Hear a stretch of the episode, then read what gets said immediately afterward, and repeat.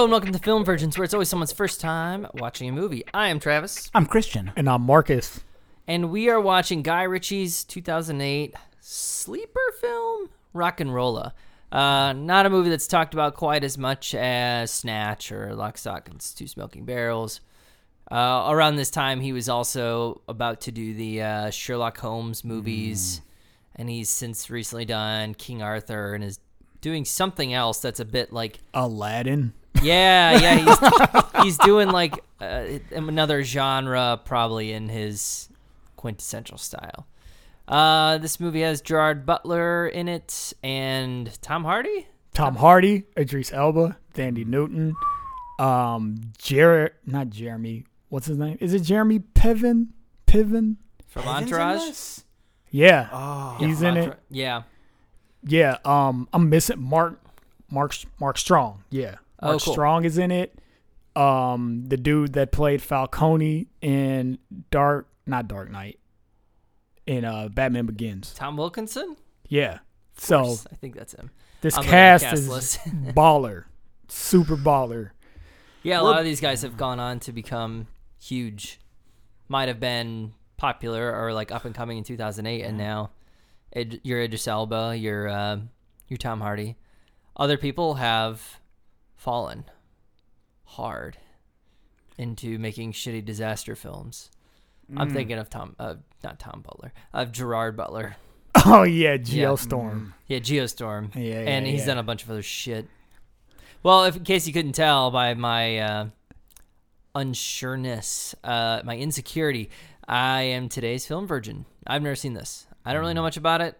Uh, I know the opening credits sequence has like a lighter, with a gun or something. I don't know. I saw the opening title sequences and then I left for a party. wow. That's all I know about this movie. All right. Well, I won't spoil it too much for you. I'll just leave you with um, the fact that uh, I'll leave you with that element of mystery. I guess I'll say that I'm the champion of this film. Um, I've only actually seen it twice. Part of the reason why I wanted to watch it was because I mean it's Guy Ritchie, so Yeah. he's like just kind of one of those dudes like Christopher Nolan or Tarantino. It's like if they make a movie, go watch it. Even if you think you might not like it, like go watch it anyway just to see what it it's about. It's kind of like with the first Sherlock Holmes. Um, it's like like really okay, this is weird, and it wasn't great, but it was a cool take on it. I actually did like the second one, um, Game of Shadows, I think is what it was I didn't called. see the second one. Yeah, it's way better than the first. Um, and I don't even think the first was bad. It was just kind of bland.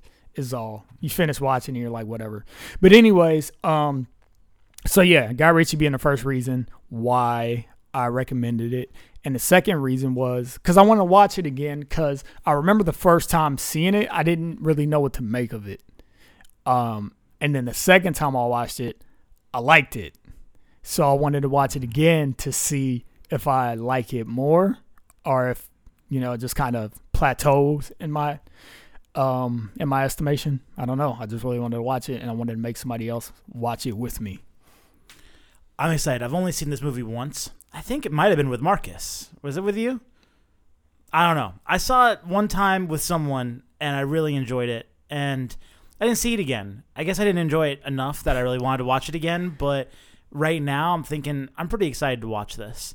And it's got a great cast. Guy Ritchie films, I think, at least Snatch and Lockstock, I think have aged pretty well.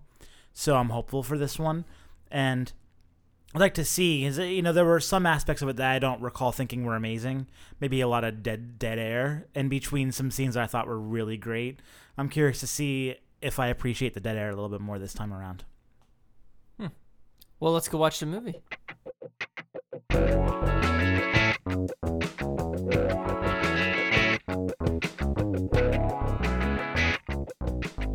And we're back. We just watched Rock and Rolla, which I got mostly right. There was a lighter, there was a gun lighter at the very beginning and the very end of the film.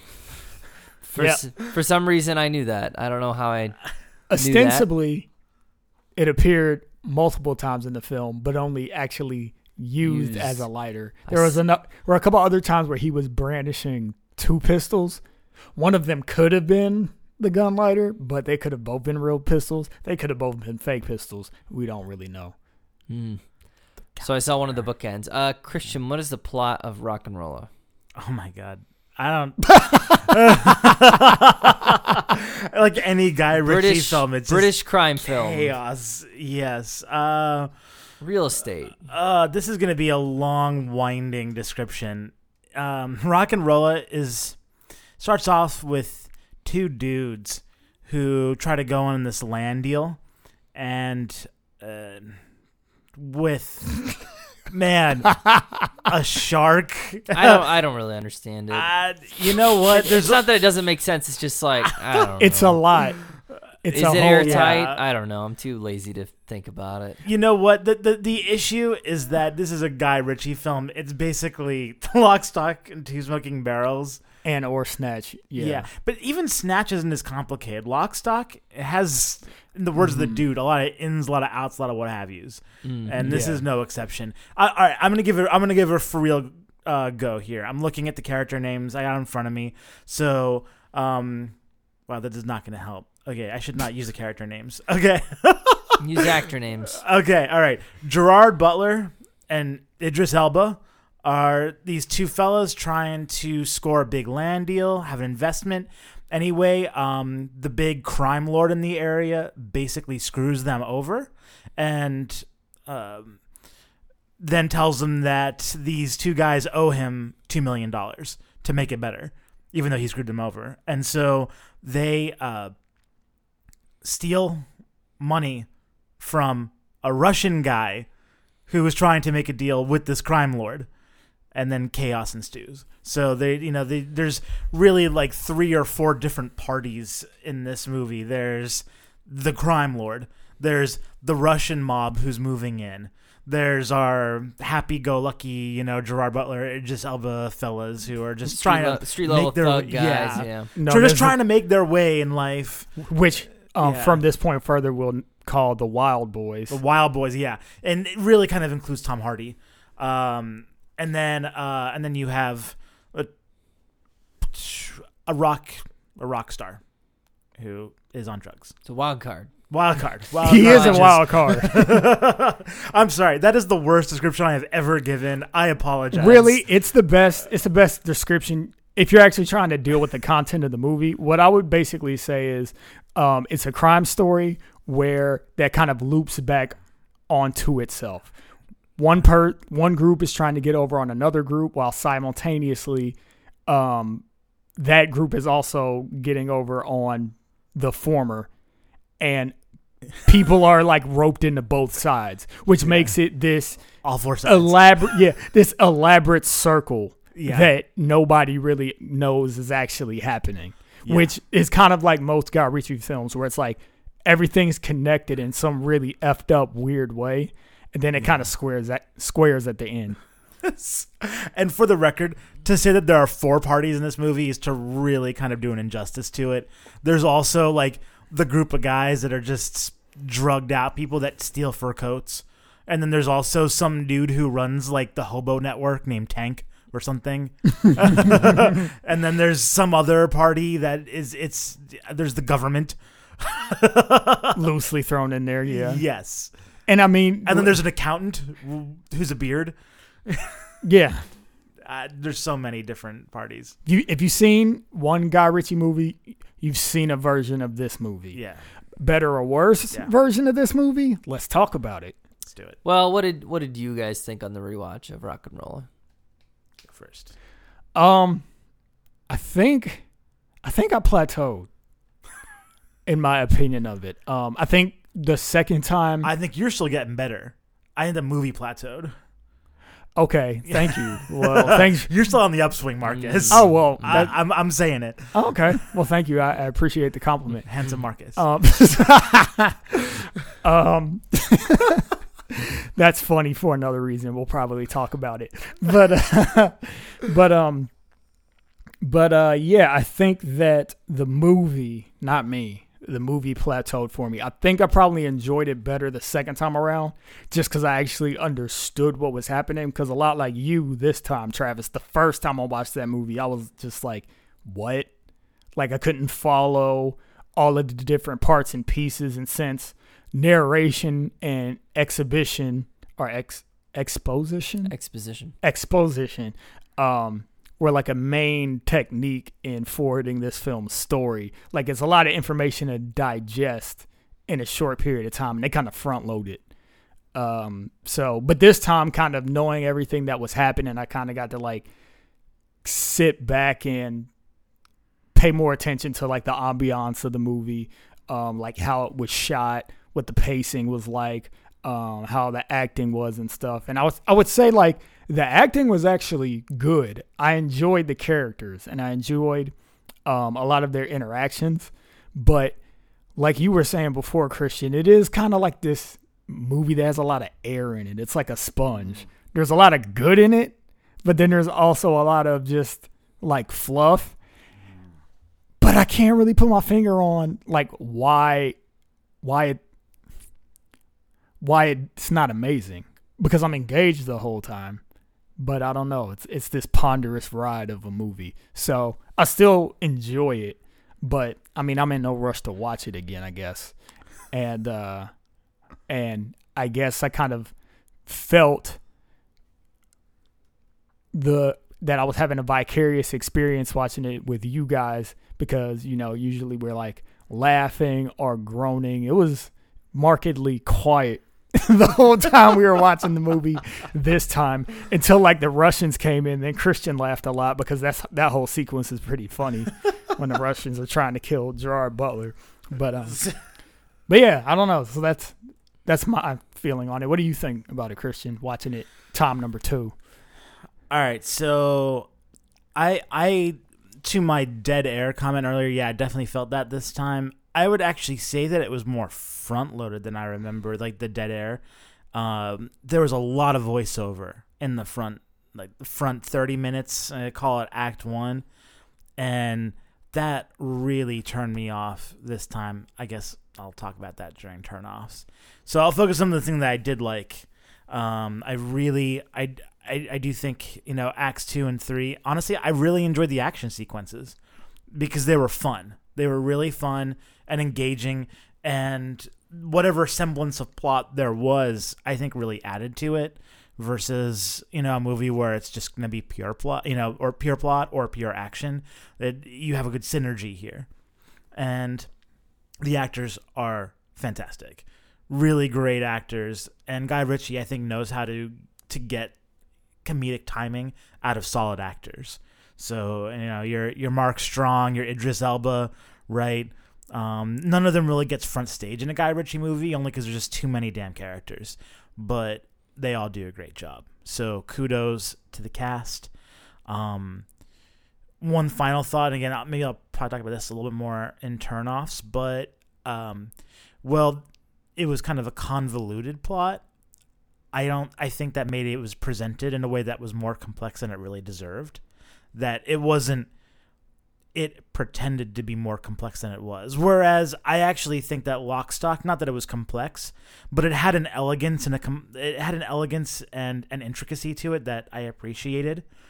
Um, whereas this, I think, only pretended to. Um, so there was a plot. It was cool, but it wasn't as complicated as they made it. Yeah, I, I kind of feel the same way. I, I didn't react strongly to this movie. I think there's some good elements. The action scene, the action scene with the uh, Ru- the Russian job is good, and we'll just go into spoilers from now on.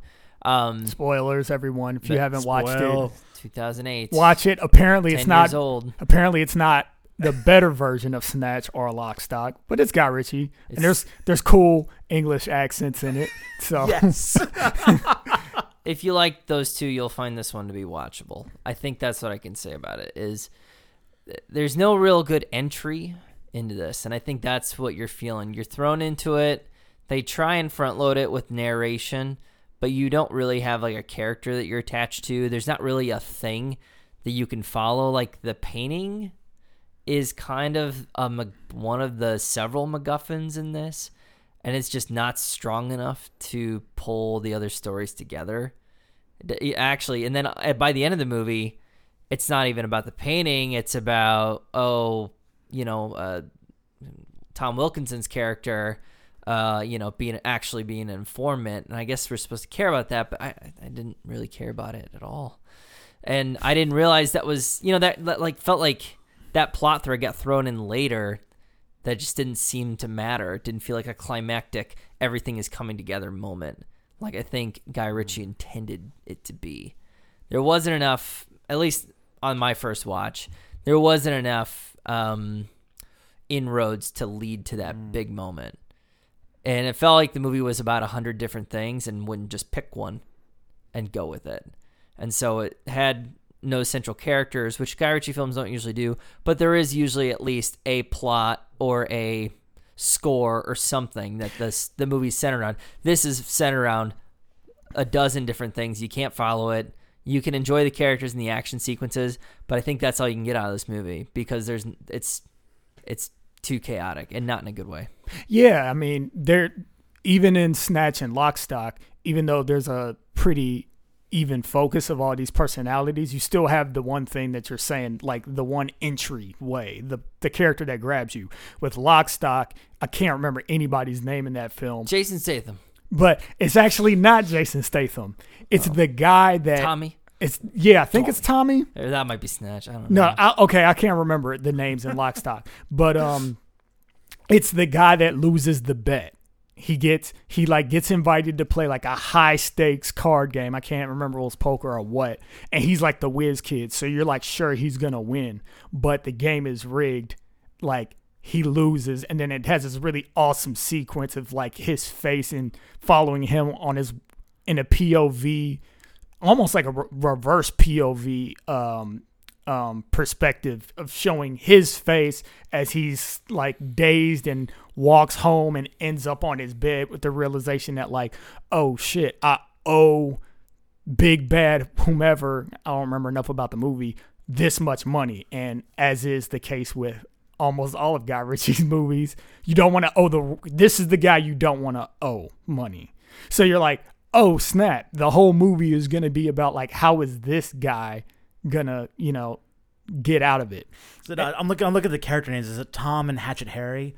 Tom was the savant, and Hatchet Harry was I can't remember, but It might you're be- right. You're right though. I love that comparison because I I think that because of that first scene, it really puts you in in the moment. It puts you in the place of those people that have just been screwed over, and you really sympathize with those guys.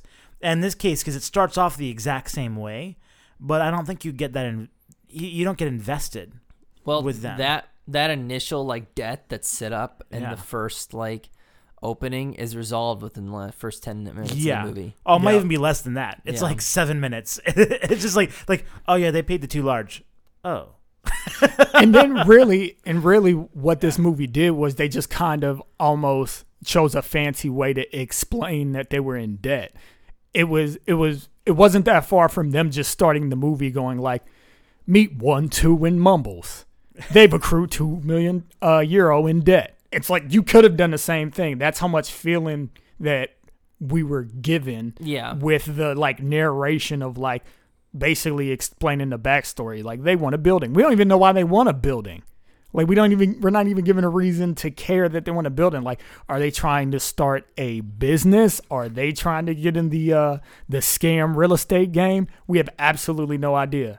We just know that it's two guys who appear to be friends and partners are like we need a building. It does suffer from a little bit of timeliness issues where this is right around the time of the uh, real estate crisis, and everybody started writing movies about mortgages and like real estate deals and shit. I've I don't know. It felt like it was maybe a little time capsule. And Well, this movie's 05, so no, it's, oh wait, oh wait, but It it's is 08. it- but it's Okay. it's It's probably before. written so this before, I is pre. This guess. is Snatch is 05. Sorry. so just just real estate development. Yeah, I guess was two relevant points. This is this is pre real estate bust, and in places like London and Manhattan, real estate did not bust. Manhattan has stayed like trending up, just like Marcus. It's been trending up all this We time. all agree on that. yeah. all right, fair enough. Fair enough. My timeline's bad. Um, and yeah, the markets are bad. The markets were good. That's the point. That's the point. So Marcus were really good. Always Yeah. bull. Always bull. yeah, I don't. I don't think without any kind of thing to anchor the story, I think the movie just kind of is like a balloon released when you let go of it full of air, and it just kind of whizzes about, and it's kind of fun to watch. But to what end? Wow. Yeah. It's a really good and sad metaphor. Bleak. So all right, what do we what do we do we like about Snatch or I, I don't think I. Rock and Roller? What do we like about Rock Brad and Roller? I, I don't think there's much else to say, honestly. The actors are good, and the action scenes were fun. I've got turnoffs. That's that's all I got. I, it's a Guy Ritchie film, and I like Guy Ritchie, but I, you know, there's got to be a little more to it.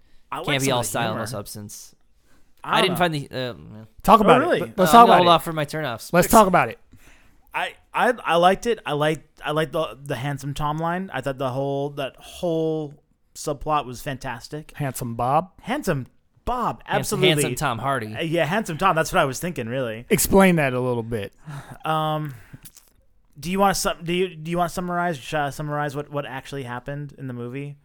Uh, I can summarize it. yeah, yeah. I can yeah. give a stab at it. Yeah.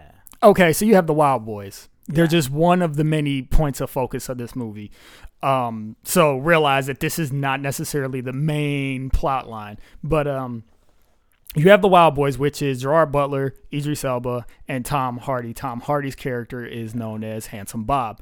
He is going to prison for a five stretch, five years, because some low down, dirty informant informed on him for some crime that he was doing. So anyway, um, Gerard Butler, old one two as he's called, is going to take him out for a night of cavorting. Of straight debauchery. yeah, exactly. and um, he's he's got the hookers, he's got the booze. What he didn't say hookers, he got strippers, No, Um, e- escorts. Poll workers. Poll Es- workers, they're escorts. escorts. yeah. Okay, fancy hookers. Um, and and he's gonna he's gonna get his boy some action before he goes away. That was his first But time doing The little thing he doesn't know about Lady Killer Handsome Bob is that really Handsome Bob has always wanted to be a boy killer. And really one boy in particular, that being one too. So he confesses, you know, because he's going to jail. He's like, I just want you. I don't want girls. and of course, one two flips out in a scene that's hilarious. Yeah. Just very, very insensitive. like, not responding to his best friend's um, heartfelt confession. All the while, handsome Bob's like has his hands buried or his face buried in his hands, like oh god, like kind of whimpering, not really. And then you know they kind of settle up afterwards because they're friends and apologize and um and yeah. Is there anything else I need to explain? I know. Okay, so one of the things that I really loved about it is that that it, that whole scene ends with one two asking, "So, what did you want to do with me?"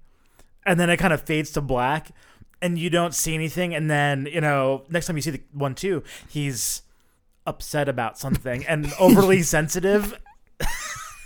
and we don't Yeah. know what happened. And then it turns out that they went out dancing, Slow dancing. slow dancing.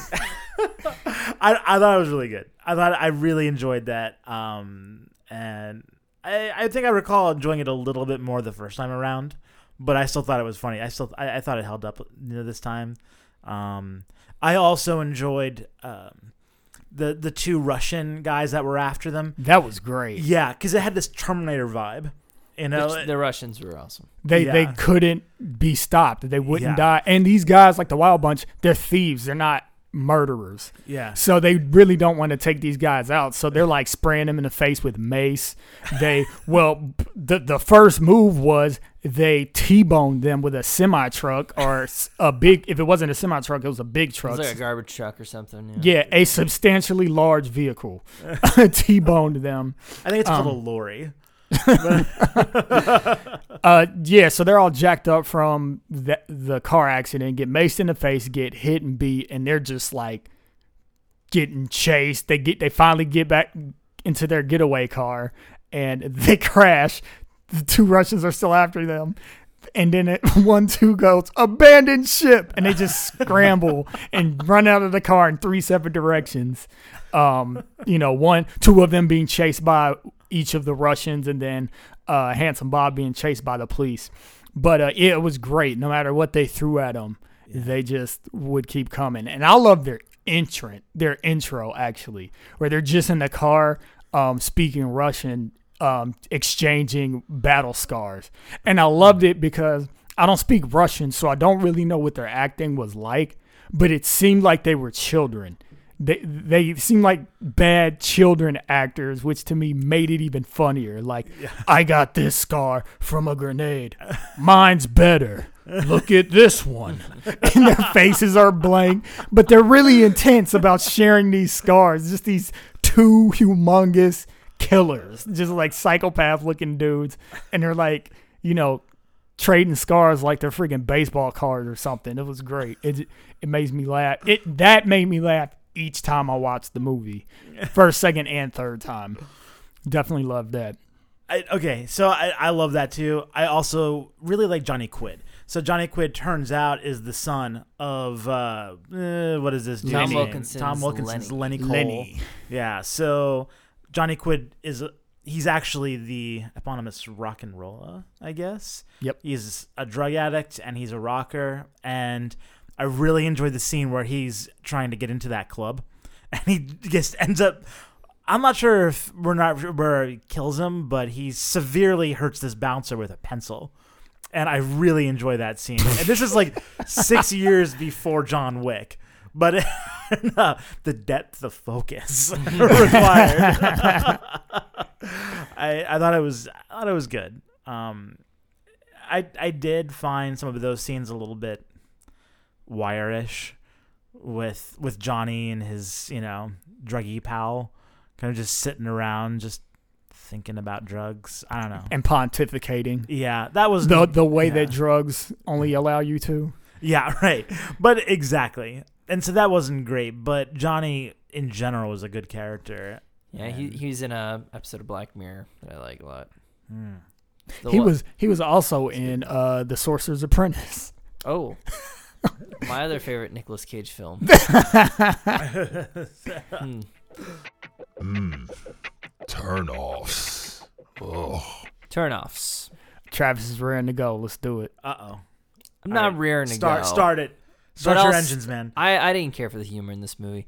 And I didn't care for a lot of the detours that it took. Uh, for example, the Tom Hardy gay subplot. I, I the whole t- I'm watching it and I'm trying to figure out what the fuck the plot is and and then like I don't know I'm, I know you guys like this I don't want to shit on it too much but I will um just like I don't know low hanging fruit little la- low hanging fruit of homophobic like not homophobic but just like insecure male guy insecure with gay guy like I don't know. It was low it sucked. It sucked. I'm sorry. I didn't like it. I know. I know. Turn me off. Turn me off. I didn't like Well, wasting time Tom one- wasting Tom Hardy. It's probably one of those things that doesn't age well either. I can imagine it It- being it- a lot funnier in 2008 than Yeah. 10 years ago. I mean later. it wasn't it wasn't offensive. I don't think it was offensive in any way. It just Oh, I'm sure somebody would find somebody it offensive. would. We could always find somebody. But uh I I didn't find it funny. Um and there was a lot of there's a lot of detours in this and in a movie that's kind of long and kind of confusing and lack of focus uh you know we spend more time more and more time as the movie goes with the drug addicts just talking about nonsense. And we're already like on a almost two hour runtime and i don't know what the plot is or what i should care about and nothing that they say actually matters and i don't know. They weren't important characters until the end I, I, couldn't stand the lack of focus in this movie. And that made those moments those times when like nothing is happening when something that isn't crucial to the plot isn't happening i get frustrated because i want to know what the point of the film is and it just i don't know if i had one. Didn't have a strong story. And uh, so yeah these moments that it would take a break from telling the story to do comedy didn't work for me because I'm just like, get back to the story and tell me the story. Ugh, anyways, just- can I go to another one? I'll do another one. Uh, I didn't. Um, I don't know about the editing choice, especially that uh, my my favorite action scene, along with uh, you guys, the the Russian scene. Uh, the way it's played out for the person who hasn't seen this is it's actually Gerard Butler telling uh, T- Taddy, Tandy, Dandy Newton, Tan- Tandy Yeah. Newton the in like a bar when they meet because they're stealing money for her, and um, so he's like telling the story kind of, and they're just cutting back and forth to the nice restaurant to the intense action scene. And was that the right choice, or would it have been better to just play it out start to finish? This movie doesn't have a lot of just like straight action scenes in it. That could have been maybe one that stood out a little more. Actually, I think if it wasn't that fast cutting, I think he used the fast cutting to make something that was maybe innocuous, boring, or to avoid a cliche, maybe like an interrogation scene you cut up, right? Because you've seen that a hundred times. But I don't know if you cut up like the main action scene of this movie. I, I just didn't think it was a good choice. I'm usually fine with the fast cutting, the Edgar Wright, Guy Ritchie style, the British stuff. I like it, but I don't think that was a good choice for that moment. Hmm. Any other turnoffs, Travis? Not off the top of my head. I might chime back in in a minute, but He's gonna chew on it for a little bit. I, um, so I think this is something more has to do with the format, but um, the actors are all really talented, and they all none of them none of them shit the bed in this movie. I'll do just fine. But then I also simultaneously don't think that it was maybe the best use of their talents. You know, I've definitely seen Jeremy Piven uh, be better. I've seen Idris Elba be better. I've seen Ja Rule. Way better. Ja Rule wasn't in this movie. Who uh Ludacris. Good job, you just redeemed yourself. I did. I was Look- about to shame you.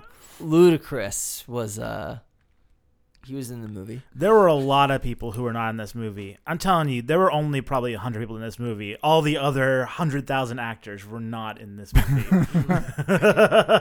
the nature of movies. But um, yeah, I I don't know. I I think that um, Guy Ritchie is usually really good at helping people play to their strengths in some ways, but maybe he doesn't know how to handle. I don't know. I don't know what it is. I just don't think that some of the the actors got their best their best game. I don't know. I, that's that's probably my my largest criticism with the movie. Um, I don't know which which actors do you think? I think Tom Hardy and Gerard Butler, um, both did a great job, and I think they were given roles that suited them. But I'm looking through the cast right now, uh, and Mark Strong. Uh, I think we should talk about a lot a lot about Mark Strong, like we did last time. I think uh, Tom Wilkinson too, because he he got significant face time, You know what? I agree with that. I agree with that. Okay, so those four. So those four. and So- then Rock and Roller okay, Boy. yeah, yeah. All right, all right. Yeah, I'll take that. So we got five. It's, I think the main problem is just that it's not necessarily that. Um, I think. I think if you're gonna say anybody was wasted, it's it's more a function of that their parts just weren't big. So do you need to get big names for those parts? But think about this: 2008 were those people even big then? Well, okay, all right. Hold on. All right, just just as far as that goes, I hear what you're saying. I would say Jeremy Piven's part was about five times as large as it was in Rush Hour Two, and Rush Hour Two was way better in terms of just like This is true. uh, I mean, you can take someone like that and put them in for five seconds if you do it right and make it make it pop. But yeah, Thandie Newton played Tanny Newton. That's what she does. She's, She's- basically the same as she is in Mission Impossible 2. yeah, just hot. Hot and numbery, but um, Yeah, I think she did great. Like Yeah. anytime she's on the screen, I was just like, great performance. She looked good. She can eat a burger or two, but but at the end of the day, she's still I see you, Westworld. I see you. Mm. yeah, she is in Westworld, ain't she? That's what I know her from. Oh, I, no, hold I don't on. remember. Mission She she's good in Westworld. That's a good role for her. But she kind of does the same thing in, in this as she does in Westworld. Even it just it just doesn't have as much meat on She's it. a main character. She's a more important character. Actually, she's a pretty important character in this movie. Really, she's the Does one she that get sets strangled, or what happens? that. That's the assumption. That's what you think. no, no, no. This whole movie, at, it, there was a theme to this movie, and it was being slapped. That's why they got the gloves. That's why he got the gloves. so he could slap her. Good old slap. Uh, 'cause, yeah, a backhanded slap with the right hand. That was definitely one of the themes of the movie. I'm Yeah. not even kidding. yeah, it was. If you slap somebody right, then you Knocks don't. him back to their childhood, and that ties back to rock and roll and his childhood, and gets slapped and yada yada yada. playing the saxophone in the mirror Yeah, to a song that didn't have the saxophone in it. he deserved that belting. yeah, that is true. But that was a good. I like that. I like that. Uh, you like the belting? it's very good. That's a good belting. Go belt, not a belt in these movies. That's why these kids are running, running the show now. Not enough belts. You got you got some turn-offs, Marcus? Um, yeah. So I have one that's really nitpicky. It's um when Gerard Butler, the Russians that we're talking about, since they leave them alive, since they're not murderers, they eventually track down Gerard Butler, and they're about to have a less sexual version of what happened in Pulp Fiction. Um, Mm. with Marcellus Wallace, except he wasn't going to get raped. He was going to get flayed, it looked like. So they're playing like industrial, it sounded like industrial music, and they're in leather. Industrial Russian music. yeah, industrial or Russian. Eastern Bloc of some kind. Super evil. Uh, Socialist music. but um, yeah, they're in clad in their uh, leather speedos and their like dom hats or whatever they're gonna do. so it was a little sexual. It was a little sexual, but you you thought they were just gonna get to cut and slicing. I don't know. Were you in, were you thinking No, they were gonna there do was more? I- it was gonna start there. It was gonna end somewhere else. yeah. All right, First well, one, then the other. All right, Yeah. Well- Well, what piece were they gonna flay, and what were they gonna do with it? I don't know, man. I don't even want to think about it. Were it. they gonna eat Gerard Butler's dick? Probably. no, they were gonna slap him. With, yeah, we're gonna with slap his, it. with his flayed cock. Yeah. So, but anyway, so the belaboring the point, the pet peeve that I have in all movies is when you gag somebody. Like, I'm not a professional, but my assumption is you don't just stuff a thing into their mouth. You stuff a thing into their mouth and then you secure it with a band or strap or something around their head so that it's stays in their mouth and they it muffles them and they can't make noise. Anytime I see in a movie where somebody muffles somebody by just stuffing a sock in their mouth, it's like spit it out. You can spit out the sock. Mm. he just had the sock. And these guys look to be pretty thorough. So why would they just put the like I don't is there something I'm missing? Maybe I need to go online and do some gag research because I just see it happening. You should definitely do that. yeah, I should. Yeah, don't Google that. I should. Let's post it on our website. I We'll should. s- We'll do a cast. We'll cast the screen. Yeah. Yeah, See what comes up first. Click on that first link. Don't even read it. yeah, I'm feeling lucky. yeah. I'm not gonna do that research, but anyway, so that was that was like a real stupid thing that I, it just it pisses me off anytime I see it in a movie. Um, this one is gonna be, make me sound like Christian, but the music in this movie, I don't. Uh, it, it- I have no recollection of it, and I feel like in the airiness of this movie, a really really good score could have helped it out a lot. Maybe, Could have tied some things together. yeah. And Snatch had an excellent score. I mean, score isn't overstating it. It had really great soundtrack selections. Yeah, yeah, yeah, yeah, yeah. yeah. Yeah, it, it made you feel the scene. And I feel like in a lot of movies, you, I don't, I'm fine with a movie not having any music. No Country for Old Men is one of my favorite movies of all time. It's at least in my top five um, favorites. And, you know, the soundtrack was silence for the vast majority of the mu- movie. So I'm like, I'm all fine with the movie not having music. But this one, I feel like it it's a funky Guy Ritchie movie, and so many of his movies he uses music to kind of like drive the the heart of whatever you're supposed to be feeling in the scene. And um, I'm thinking about I'm even thinking about some of his trailers where his trailers stand out just because he's using some sort of bombastic theme or whatever. Actually, I remember the trailer to this movie had some kind of uh, really lively music in it. So it's just weird. Um, I was watching. Uh, I finished season three of Fargo not too long ago, Yeah. and that show just uses music so freaking well. Like it uses music that under normal circumstances I would probably hate and think is obnoxious because it's they he always the the people always pick something weird and crazy and something that's usually kind of like grating and loud while like scenes are being like interspersed and you're kind of telling the story visually but it works so freaking well i'm like there, like there's been no break in the music for the first 10 minutes of this episode right now. Yeah. like nobody's even Yeah. talking. They're all just running around doing this or doing that. So you know i feel like this movie would have benefited maybe from something like that.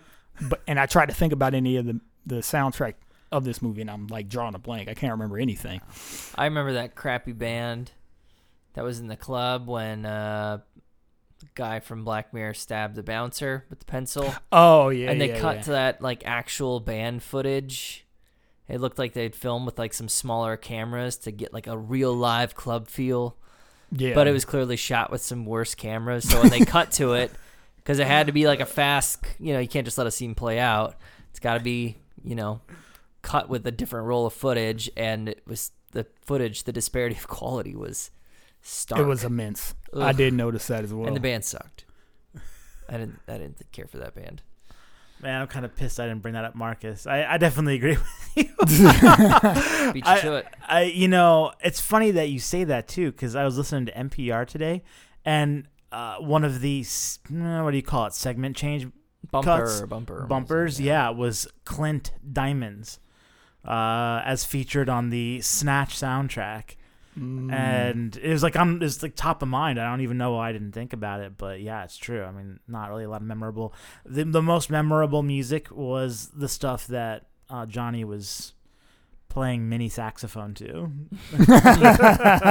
yeah with his terrible baritone child singing Yeah. and it really wasn't very good. It was like low grade, what like early '80s, late '70s punk kind of thing. I don't know what was it. I don't know. I didn't like it it was some iconic song i know i've heard it before Yeah. um Probably something like yeah, like the remar- Clash or the you know something like that. Yeah something know. that jonathan byers would listen to I don't know who that is, but I'm gonna go ahead and Stra- agree. It's a Stranger Things reference. That is right? a stranger things reference yes um what else do i got um i don't despise narration in movies i know some people f- have the basic rule fans and directors alike have the famous rule that it's like if it needs to be narrated you did it wrong. Um whereas i don't know in some instances i think narration it's just a different technique. Can you pull it off or not? It's like it's like painting in or like drawing in crayon versus drawing in colored pencil. It's like which one do you want to do? Like if you, if you're skillful enough then it doesn't matter. You're just going to make the image and it's going to be great. Um but in this movie i do feel like to your point earlier that you made christian that they kind of overcomplicated things by trying to tell the story by Mark Strong's character Archie narrating in little itty bitty bits while these scenes flash before your face, and they're like, and this guy's is one two, and they need the building, and this is Lenny. Thing about Lenny is Lenny's good. Yeah, like, like, all right, like, or you could just let Yeah. the stuff happen yeah, and then because it's too much. You're going Yeah. you're flashing through too many things and then you spend the first part of the movie explaining so much and not really giving us a real end to care about anyone. You're just listing attributes of people and then a circumstance that they're in that it's just kind of like yeah I, I feel like the narration wasn't um used very strongly which sucks because Mark Strong's voice is amazing, and I could listen to that dude talk all fucking day. I mean, everybody in the he's, he's awesome. like everybody in the movie, like Tank, anytime he talked, I'm just like, yeah, this is awesome. I just want to listen to this big black British dude talk about paintings and um, woodwork in somebody's fancy ass office. yeah, it's true. Uh, They didn't like they could have done it well, and they didn't. I can I, I can think of like seven of my top twenty five films that have voiceovers and make really great use of, of the form. I'm, I'm, I'm I actually pulled up a list here so I could look at this: Shawshank Redemption, American Beauty, Fight Club. Uh, I mean, Goodfellas. As far back as I can remember, Yeah, I mean, there are some really great films with voiceovers, and this just, and and that includes. Wasn't there some voiceover work in Snatch or Lockstock?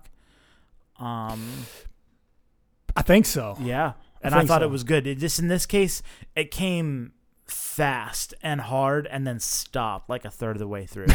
yeah, he just gave up on it. I know. I was like, this is really complicated, and then it stops, and you're just like, okay, thank you. yeah, it's like it, at least if you're gonna do it, then keep the continuity to, to make it seem like okay, this is a storybook. This is what this is what we're doing. This is the mode of storytelling that they choose chose to convey this plot or whatnot. And it's like they kind of abandoned it, which I mean, I guess good because I'm in agreement with you. The movie does kind of pick up closer to halfway through, and it becomes a little less airy and more enjoyable. Yeah. While not ex- not spectacular, you know, it has its moments where you're like, okay, I'm in this. I'm in this current set of circumstances that are playing out right now, and I want to see how it finishes out. So, um, and I think for my last turn off, just um, piggybacking off of the idea that, um, of the idea that there's just a lack of focus and you're not really like, I guess, invested to a great degree. When it gets to the scene where Lenny's outed as Sidney Shaw, the informant, and Mark Strong's going through like all of the people and their sentences resulting in him being an informant. It's supposed to be like this really climactic scene, mm. and it ends with him saying like, "And finally, me, Archie, four long fucking years." it's like I get that four years in jail is long and definitely longer for the people who are serving the sentence. But there were people before you that you were saying that were like 10 years, 15 years, 20 years. Like, don't end with yourself in your four, your four years. And then on top of which, it's just like when it ends, it's kind of like, all right, like they they got him, I guess. I didn't know that he was the one I wanted to get it. Yeah, was that what the movie was about? well, but he was a douchebag from the beginning. I don't know. I kind of felt some closure. I'm like, all right, I feel I feel felt closure in a technical sense, as in technical closure. yeah, as in okay, I'm supposed to feel something here because obviously this dude is a dick, but like, is he that? Is he le- leaps and bounds a dick more than anybody else in the movie? Maybe, but everybody in this movie is kind of a dick. Kind of. Some are more likable than others for sure. But it's kind of like, you know, if I guess, yeah, I guess he's the one you want to get it. I mean, I don't really want one, two to get it or Mumbles to get it, but they could deserve it. Who knows? They like they make or a Thandie Newton. well. sh- She slapped She ostensibly gets that glove slap. so I don't know, but but yeah, I think I'm. I think my point is clear. It's just kind of like, all right, that happened, and then at the end, end where uh our rock and roller Johnny Quid, he goes to rehab and he's straight now, and now he's like, I'm gonna be like you, Uncle, a real rock and roller. oh no! And then The- the movie sets up for a sequel. Fuck, I forgot to mention that. And then the movie sets up for a sequel, and it's like first about of, what? and first of all, What was this movie about? First of all, does Johnny Quid even need to be in this movie? No. Does he? Because I don't think he does. him. Somebody has to hold on to the I- painting, I guess. I like his Or do they? character too, but he is so incredibly tangential to the plot. He basically has the painting at one point, which is like it didn't really matter whose hand the painting was It's in. a stupid plot point anyway. It just The- needed to not take be. this painting. I insist you take it, but I want it back. yeah, It brings me luck. That was all.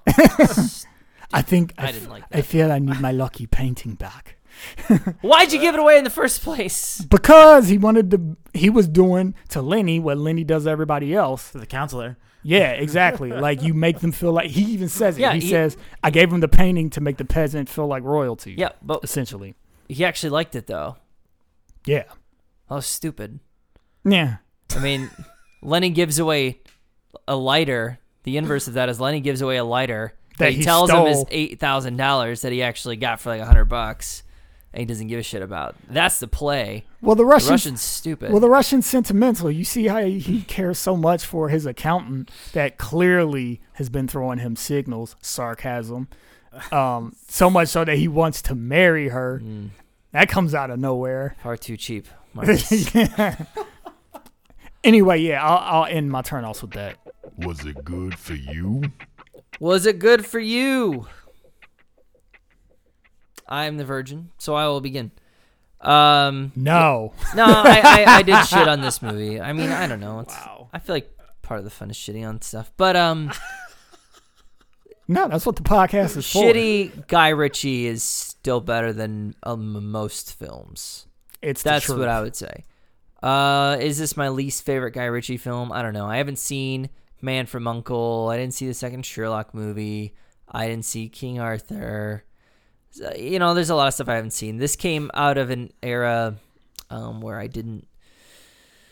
I don't know. It felt like maybe the Guy Ritchie ship had sailed a little bit. Like maybe this style was moving on. So I don't know. Um, but uh, the way I feel is, if you like Guy Ritchie films, go watch it.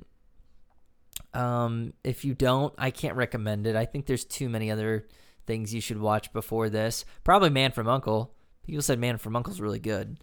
So that's a movie I haven't seen that I think I rather would have I would tell somebody to watch even though I haven't seen it just because I don't know, it looked like a more fun movie that told told maybe a more coherent story. That's got Henry Cavill. That dude's dude's my man. He's my, he's my man right now. Um Is it because of Superman? Say no. Say it's because of Fallout. Yeah, it's actually because of Fallout. Good. Yeah, I like. I mean, you. I'm a, you know, I, li- I like my Superman, but I like the way he looks as Superman. Too bad he was in bad movies with Superman in it. But um, the point is, uh, I give. I'm gonna give this movie a four. I'm just moving on. I don't know who to recommend this to. Um, anyone who wants to watch it, go go watch it. I don't know. Gerard Butler isn't in many good movies. I, I don't feel strongly I about won't stop you. Yeah. I'm not gonna pull a Dark Knight and like prevent you from watching it with threats of violence. No, no, no. But for a cherry rating, I'm gonna give this uh, actually a four. Um, I like it more than Lucky Number Eleven, which is a movie I'd given a three. I think in some ways I gave uh, Payback a four. In some ways, this movie is better than Payback. In some ways, it's worse. Um, I am a story guy for the most part, and when a movie doesn't tell like a coherent story, it's hard for me to get over that. You got to give me something else. You got to something to latch onto, another character that I like, or uh, a lot of action, or something shiny to look at. This movie just doesn't quite give me those other things that I need to make up for that story shortcoming. So, uh, four cherries, not a strong recommendation. If, if you see it on Netflix, it's probably worth turning on in the background. Man, that sounded harsh. Jeez. Well, there's a lot on Netflix not worth turning on and That- putting in the this would be like a background, top a top uh 10 20% quality uh qu- eight, you know 90 80% movie one of the better movies on netflix that's what i'm trying to say so Netflix has a lot of shit. That's what we're trying to say. garbage platform anyways Hey, I love my Netflix. There's some there's some diamonds in the rough in Netflix. All right, all right. I'm gonna go next. Um, I'm gonna start with recommendations. I want to think about my rating and I want to look a little bit at what I got here. But um, I, you know, so this is an obvious reco. It definitely, if you're a Guy Ritchie fan, or more precisely, if you are a Snatch and Lockstock fan, then watch this. I'm not sure what to say to people who like Sherlock Holmes, uh, like Guy Ritchie Sherlock, Holmes. That's probably an aberration for him. So this may or may not be for you. But if you like Snatch and Lockstock and you want something that's less good but very much like those, watch this. Um, um, if you like Tom Hardy, I think you should watch this. If you like humor related to people recently that came out of the closet, then you should also watch this. if you like seeing Thandie Newton playing the same character over and over and over again, also. If you like And Marcus enjoy her when she eats hamburgers. Well, she doesn't eat any hamburgers here, but you might still like her. Um, uh, so I'm looking at this here. I gave uh, Payback. Uh, what did I give Payback? I don't know. I don't know what I gave Payback. I gave it a five, and I gave the, the Raid a four. I like this a lot more than the Raid. I like it about as much as Payback. I think I'm gonna go five. Uh, it's a soft five. It's a soft five. Yeah. I, I, I don't know what to say. I think it's between a four and a five. yeah, I'm looking at some of my sixes, like uh, Chronicle and Moonrise Kingdom. I don't like it as much, so I, I think five is probably correct. Okay, um, I'm gonna copy your recommendation, and I'm but I have a caveat with it. I recommend this movie for people that, um, may have seen Guy Ritchie's less iconic stuff. So if you've seen the Sherlock movies, if you've seen um, King Arthur, and you want to get back into like kind of what put him on the map, the style of crime drama, um, I'd say watch this. Watch this first, then watch Lock, Stock, then watch Snatch. Watch them in that order, because that's I think The machete order. I like it. I think that that's the um I think each one is better than the last if you watch them in that order. And um you will be if you like this movie after watching it, then you're going to love Snatch and Lockstock cuz they're both way better than this. But they are very they very much have the exact same spirit as this movie. Um it's just weird that he made this one after the other two because this almost kind of seems like it would be a freshman effort. I, I actually think the opposite. I think this has signs of somebody who maybe isn't ha- doesn't have to do as many drafts of the script that he has to, and compared to those early days. Hmm. That's that would be my guess or my take. Well, you know more about the biz than I do. I don't so know shit I'll about the biz. take it. I'm good at talking out of my ass. But I mean, he'd made it by this point, you know. Like Yeah. when you're young and hungry, I think you put more thought into things and you make things a little more streamlined.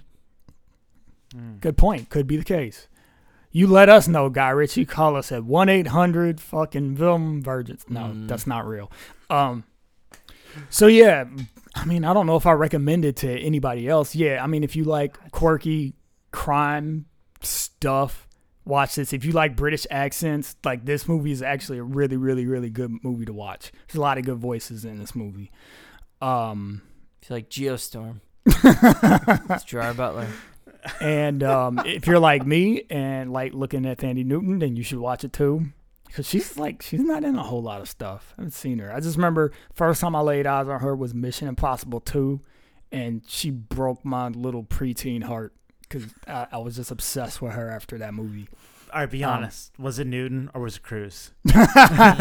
Well, his wild, untamed hair on Yeah. the bike. on the bike. Yes. That's like the one that everybody remembers. Slow motion, Yeah. doing that wheelie. Yep. Glorious scene. Yes. Um, with the Limp Bizkit soundtrack. Ooh, The the Limp Bizkit. uh, Timeless, really. that's a bad cover. look. I have the I actually have the instrumental of that song because fuck Fred Durst because that instrumental is actually pretty dope. Like I actually still like that um rendition of the Mission Mission Impossible theme. Anyways, on to my rating. Um I agree with you with your rating, Christian. I'm gonna give this one a five too. It's um I think I give it a five just because I enjoy the cast so much and just because I enjoy the actual characters themselves. It's a rare enough thing for you to not enjoy a movie that much, but like all of the components in the movie, just not the sum total doesn't quite gel to make it amazing. But I think that there's a possible way to like recut this, rescore it. Um, It's salvageable. if you're gonna do narration, like write it better or something, slow the pace down, speed it up, even it out. I feel like like you could actually make a really really dope movie with this footage and with the audio that you have. I just don't know enough about movies to make it happen. Um, it'd be cool if somebody did like a YouTube cut. And they're like, you know, like rock and roller or like it, it's more better or whatever. So yeah, um, so that's why I think I'll give it a five instead of like a four or three because I still do find myself enjoying the journey, even if the journey is doesn't really take you anywhere. All right. So that gives it a 4.7 average, which is tied with 12 Monkeys for 25th place. Which, uh, you know, fairly low on our list, but, eh, you know, we skew kind of low anyway. Um, it is just behind Payback, The Raid, and Analyze This, which all scored uh, 5 average, and just ahead of Annihilation, King of Kong, Lucky Number Slevin, and Upgrade, which all scored a 4.3. Wow, man, we really shit on Annihilation, didn't we? Oh, yeah. you know what? I'm sorry. It deserved it. It did. I mean, honestly, It I mean, did. I, Annihilation is one of the reasons why I put this at a 5, because I'm just looking at it, I'm like, I definitely liked more Annihilation. Yeah. Definitely. yeah. Travis, were you more frustrated with this or Annihilation? Curious. I had higher expectations for Annihilation, Which so Probably probably, skewed made you me being more, more frustrated. frustrated. But uh, at least Annihilation had like had its mo- had had some pretty high moments at least. yeah, definitely had higher highs than this Higher movie. highs than this. yeah. Time for a quickie. Uh, quickies. I'll go. So I've been borrowing a um a little known, very obscure, just like relic of a graphic novel called The Watchmen from the one and only Travis. I've been Yeah. borrowing it because um I wanted to watch the movie, but I was like, I'll defer to my resident comic expert before. I'm like, should I watch and or read Watchmen? And he said, read it first and then watch it. Um, his opinion being that I'm guessing the gra- graphic novel is better um, than the movie. Uh, it. I mean, it is, but the movie is. Um, it's a. F- it's in some ways it's like a super shot for shot remake of the graphic novel. Like that was his goal.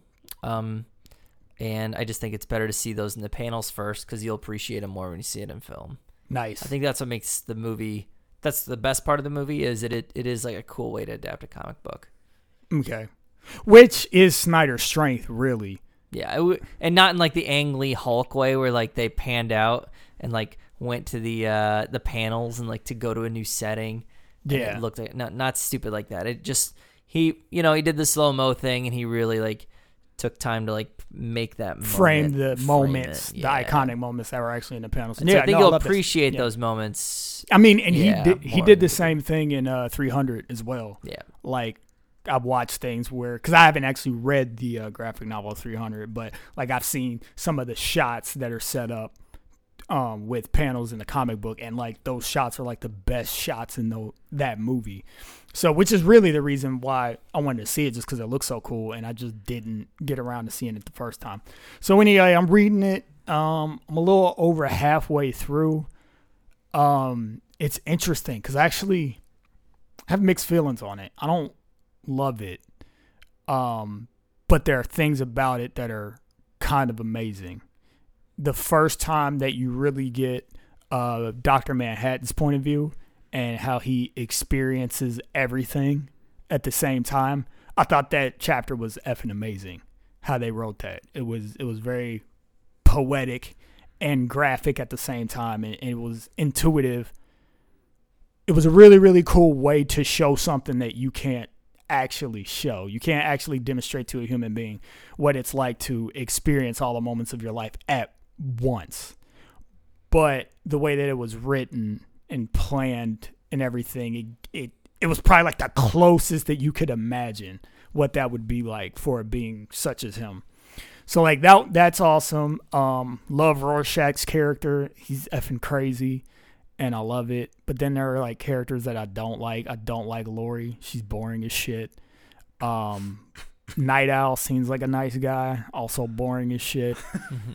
um the I'm not sure I totally dig the whole like parallel plot of the comic book that the guy is reading outside of the newsstand as like it goes back and forth from the main story to the comic book story and it's kind of like oh we're showcasing how the events of the real world are reflected in this medium which is kind of meta because you're reading a graphic novel and at the time in 85 the graphic novel is kind of like supposed to be parroting like you know the soviet unrest that was happening in the world at the time. So it's like I get it, but I don't necessarily like it.